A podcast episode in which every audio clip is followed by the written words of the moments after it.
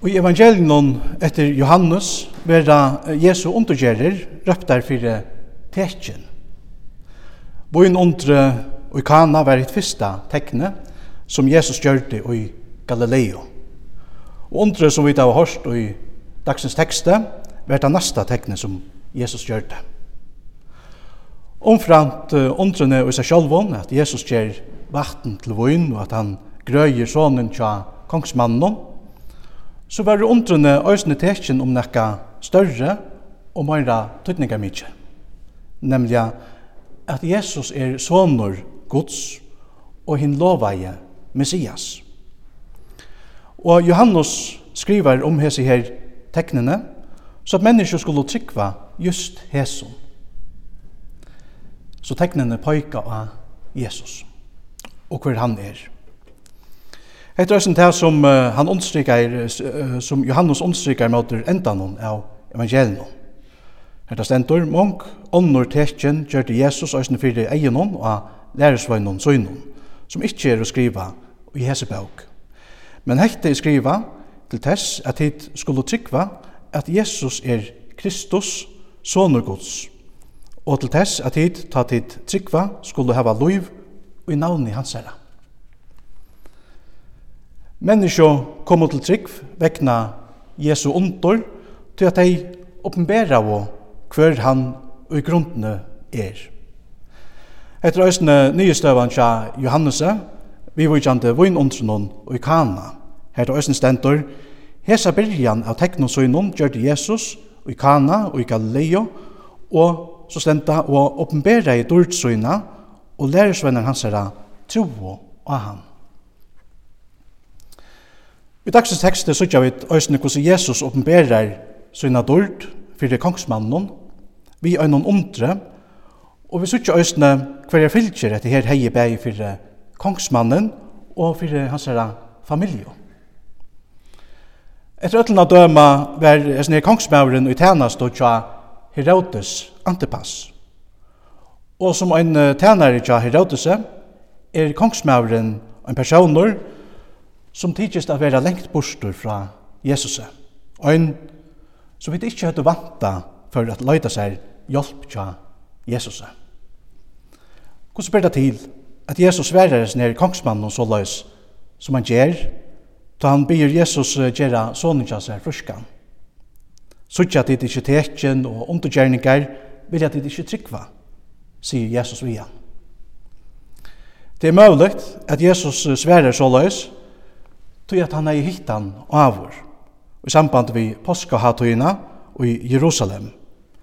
Her var det nemlig nekrir høgt standande jødar som kravd og tekjen av Jesus etter at han hei rutta halgjedommen.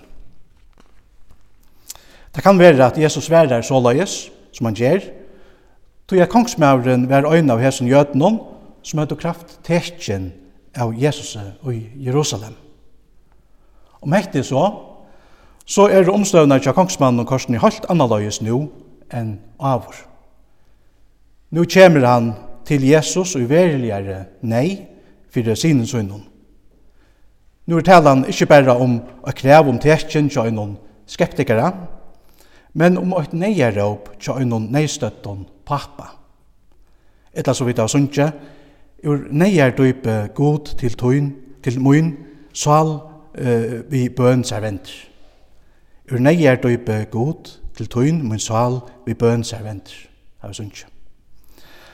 Ofte er det i neiene er vi søkja til Jesus og i bøn om hjelp. Og etter røysene støvan tjaisen er kongsmannen. Sånne hans er la fyrir deg gjennom, og i sinne større nei kjem kongsmauren nå til Jesus i Kana og byr han komme åman til Kapernaum som uh, la vi Genesaret vattnet. Og i første omfær uh, tidsis Jesus a finnast eit, hans nere kongsmannen, ta han sier vi han, sutja dit ikkje tekjen og undergjerningar, vilja dit ikkje tryggva. Som sagt, kjems dette kanskje av til årsøk at Jesus sier hitt han æren, eller avur, i Jerusalem, her kongsmavren møyla vær øyna tøymon illgrunna som og jødnon som kraut og tekjen av Jesuset. Men høyast Jesus sverar så løys i første omfære, så heldte kongsmauren korsen jo av i a bia eh, han om hjelp. Herre, kom åman, arren badmøyte døyr, sier han ved Jesus. Kongsmauren er fullkomliga hjelperleiser, og kommer vi sin innlige bøn til Jesus og ber han komme åman til Kapernaum for å gjøre sånn jasa fruskan. Og her er det også galtande, som Jesus sier 17 i Johannes evangelium. Han som kommer til moin, vil i alls ikke rekka bostur, sier han. Når her at møte sender Jesus kongsmannen av sted, vi trimon åren. Sånner tøyn liver, sier han. Og vi leser at kongsmauren tro i hesson trimon åren fra Jesuset, og og for søgjan av sted høymakter til Kapernaum. Vi kunne lyta av Jesu år til et livande og skapande år. Hetta er det som Johannes evangeliet byrjar vi at understryka i fyrsta kapitlet. Hetta stendur ut av den fyrsta versen hon. I fyrstene var året, og året var tja gode, og året var god. Hetta var fyrstene tja gode, atler loter eru, eru varner til vi tøy, og åttan te var anki til at tøy som til er våre. Og så sier stenta i vers 14, at året var holdt og tok bygg for okkara middelen. God tok bygg for okkara middelen vi Jesus, da han sendte Jesus inn i høymen. Og det er han og hans er skapande år som kongsmauren hever via gjerra henta dagen i Kana. og tog kan Jesus òsne skapa nekka nukt vi her som trimon årnon som han sier vi kongsmannen. Sånner tøyn lever. Høyast Jesus er stater om løy 30 kilometer borste fra hinnom deia sjuka eh, drøntsnån, så brøyter Jesus korsene alt fyrir han ui tøy løgto, han sier det sier, troi årene. soner tøyn liver. Han skapar nekka nytt vid sin åre, nyttjar omstøver. Høyast han ikkje er til stier til drønnsnån, så kan han kanskje grupe inn og i hans herre loiv, og djeve honom halsen aktor, og om han tar øsne hitt avja loive, vi hesson trimon årene. Hetta er til stóra trøst fri okkon som er å sauna her i dag. Hevast Jesus sitter vi høyre hånd Guds, hins alvalda, så kan han kanskje grupa inn i okkara liv, her og nu, vise noen livande og skapande året. Til han er også nær til okkon. Han er akkurat han samme i det som han vært av. Og lykka som kongsmaveren uh, kunne vite i det, tog øysene lyda fullt og fast av Jesu år og i akkurat Biblia. Året er det samme som det er vært av. Og det gjør øsne det samme som det gjør det av. Det er ikke brøyt. Det er et livande og skapande år som vi tar vi å gjøre. Da vi tar vi Jesus å gjøre. Jesus han sier øysen sjálfur, årene som jeg har tala til tikkara er å ande og er å liv. Så Jesus han understryker det samme. Tog er vi døysene vittne til lykka staur omtur i det. Til å meng, menneskje, som kunne takka Jesus for at de er bliven eh, grøtt fra imskon sjukdommen. Det hentur. Og lukka som tja kongsmannen og hans familie oppleva menneskje i det, òsne hinna største grøyngsna som finst, nemlig hekta å få sindana fyrirgjeving og evigt liv vid trunne av Jesus. Det er det største undre. Under hento av Jesu døvun, og det henta øysni enda dagen og i dag. Det er at Guds rujtje, vi ötlund tog som det inniheldur av grøying, frelso og evig og løyve, til å komme nær til okkon vi Jesus.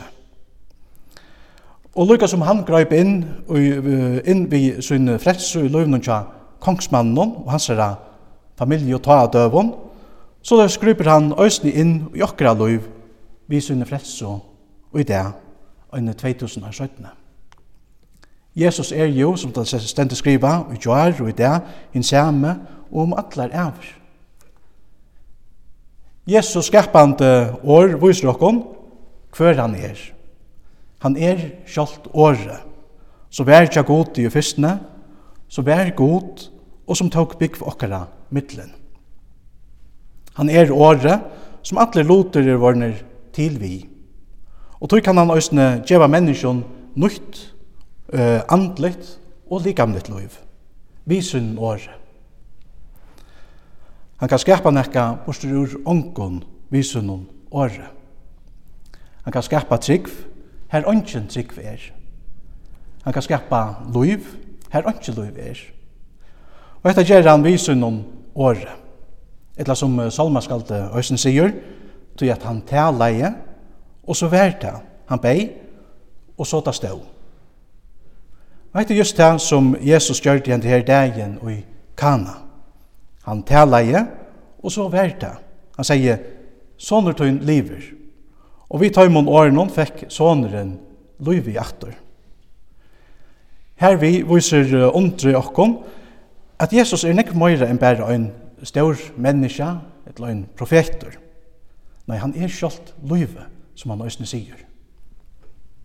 Jeg er vevren og sannløyken og løyve, sier han. Så er han òsne lustur i inngensjonen til Johans evangeliet. Og i tog, det vil si, og i åren hon, vær løyv, og løyve vær jævs menneskene. Jesus er okkara jævs. Jesus Han lyser seg øsne som opprøsnen og løyve, en ærstans. Tess vegna ber det øsne evet løyv visser, ta ein trur av han og hever samband vi han. Så er man samband vi kjølt løyve. Han er, kan vi sija, løvsens kjelda. Hetta er øsne det som kongsmauren opplevde. Han troe Jesu åren, og ta ber frelse og evet løyv visser. Det samme var også galtande for sonen og for resten av familjene.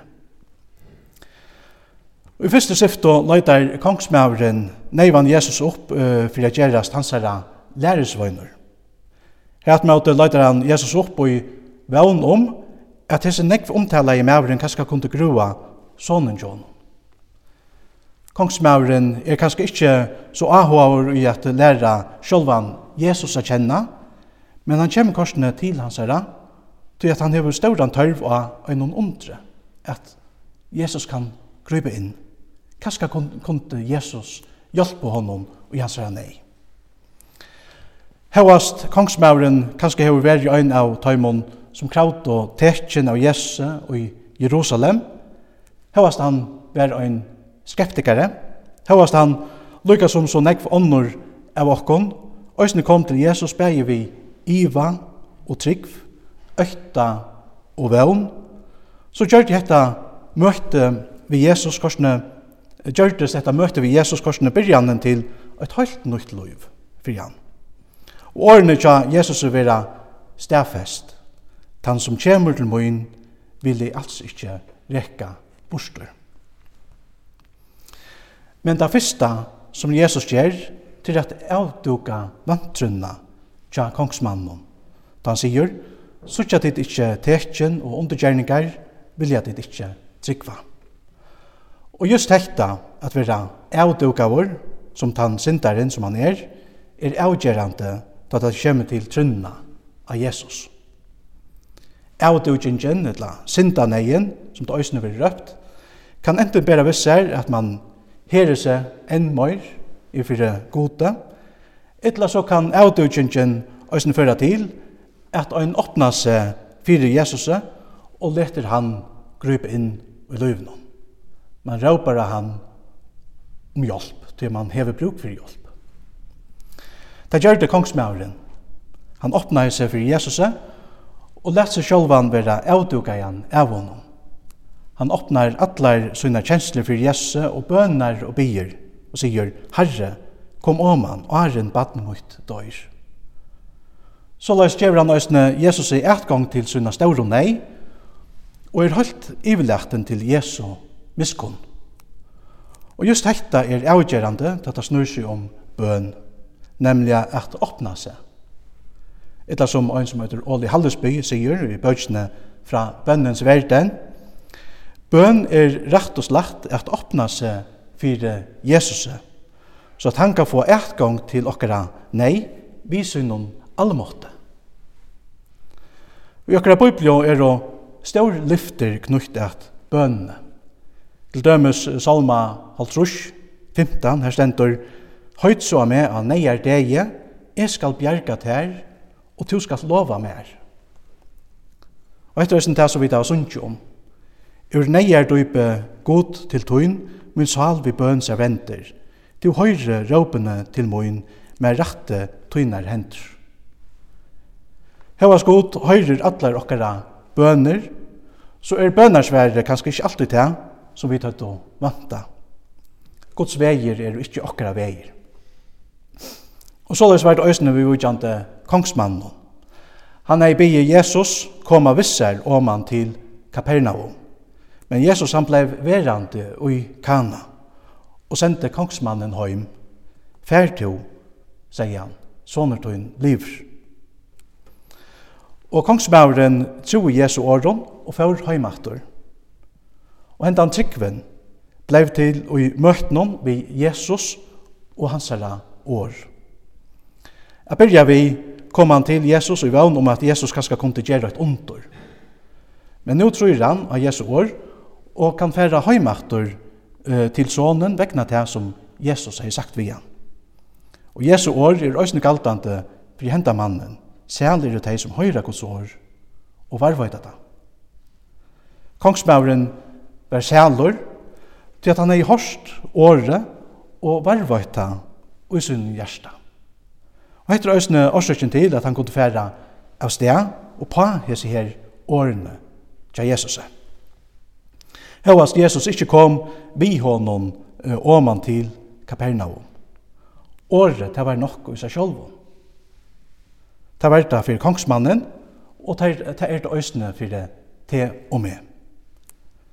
Og det er det best av øynar årsøk, nemlig at det er Jesu år, året som er å ande og som er å liv. Hette året kunne vi alltid lyda fullt og fast av det som Jesus sier. Det gjør det han høyte i herran og sin nei, og troet til året som Jesus sier vi han. Og det var til ryka sikning begge for han og for alle hans familie. Og det samme er også galtande for okkom. Vi kan alltid høyta av herran. Vi kan alltid lyta av hans år, og ta ber evigt liv, frelse og evigt liv med seg. Johannes 3, 16 er en gaur samandrottur av årenum. Tøy verður eisini røpt fyrir lutla biblian. Hetta stendur, tøy er så elska i god heimen, at han gav son sin hin øynbarna, til tess at øyne hver som trur han, ikkje skal glættast, men hava evigt liv. Lukka som det ber eh, frelso og evigt liv visser fyrir kongsmannen at tryggva av Jesu år, sonur til livor, Så uh, ber det av samme hatt øsne frelse og evet lov visser for jokken at trykva av sonen som er given som døye av krossen for jokkere sinter og som røys opp og som lever og i det. Guds soner. Det er så elsker jeg god tøymen. Det er så elsker jeg god til og med at han, han gav sånn søgn hinn øynbarna eh, Jesus til tess at øyne hver som tror han ikkje skal glættast, men hava avut liv. Guds sonur livur, og vi liva i atlar avur, vi honom, til okkara vevn, bæge, og livet og deia. Lov og takk og atler høyur, militær, god og varon, fægir sine og høylaven anda, som alltid hever vere, er og alltid verer øynsannor, tru einar god, halvåver fra fyrste oppgave nu om atler av. Amen.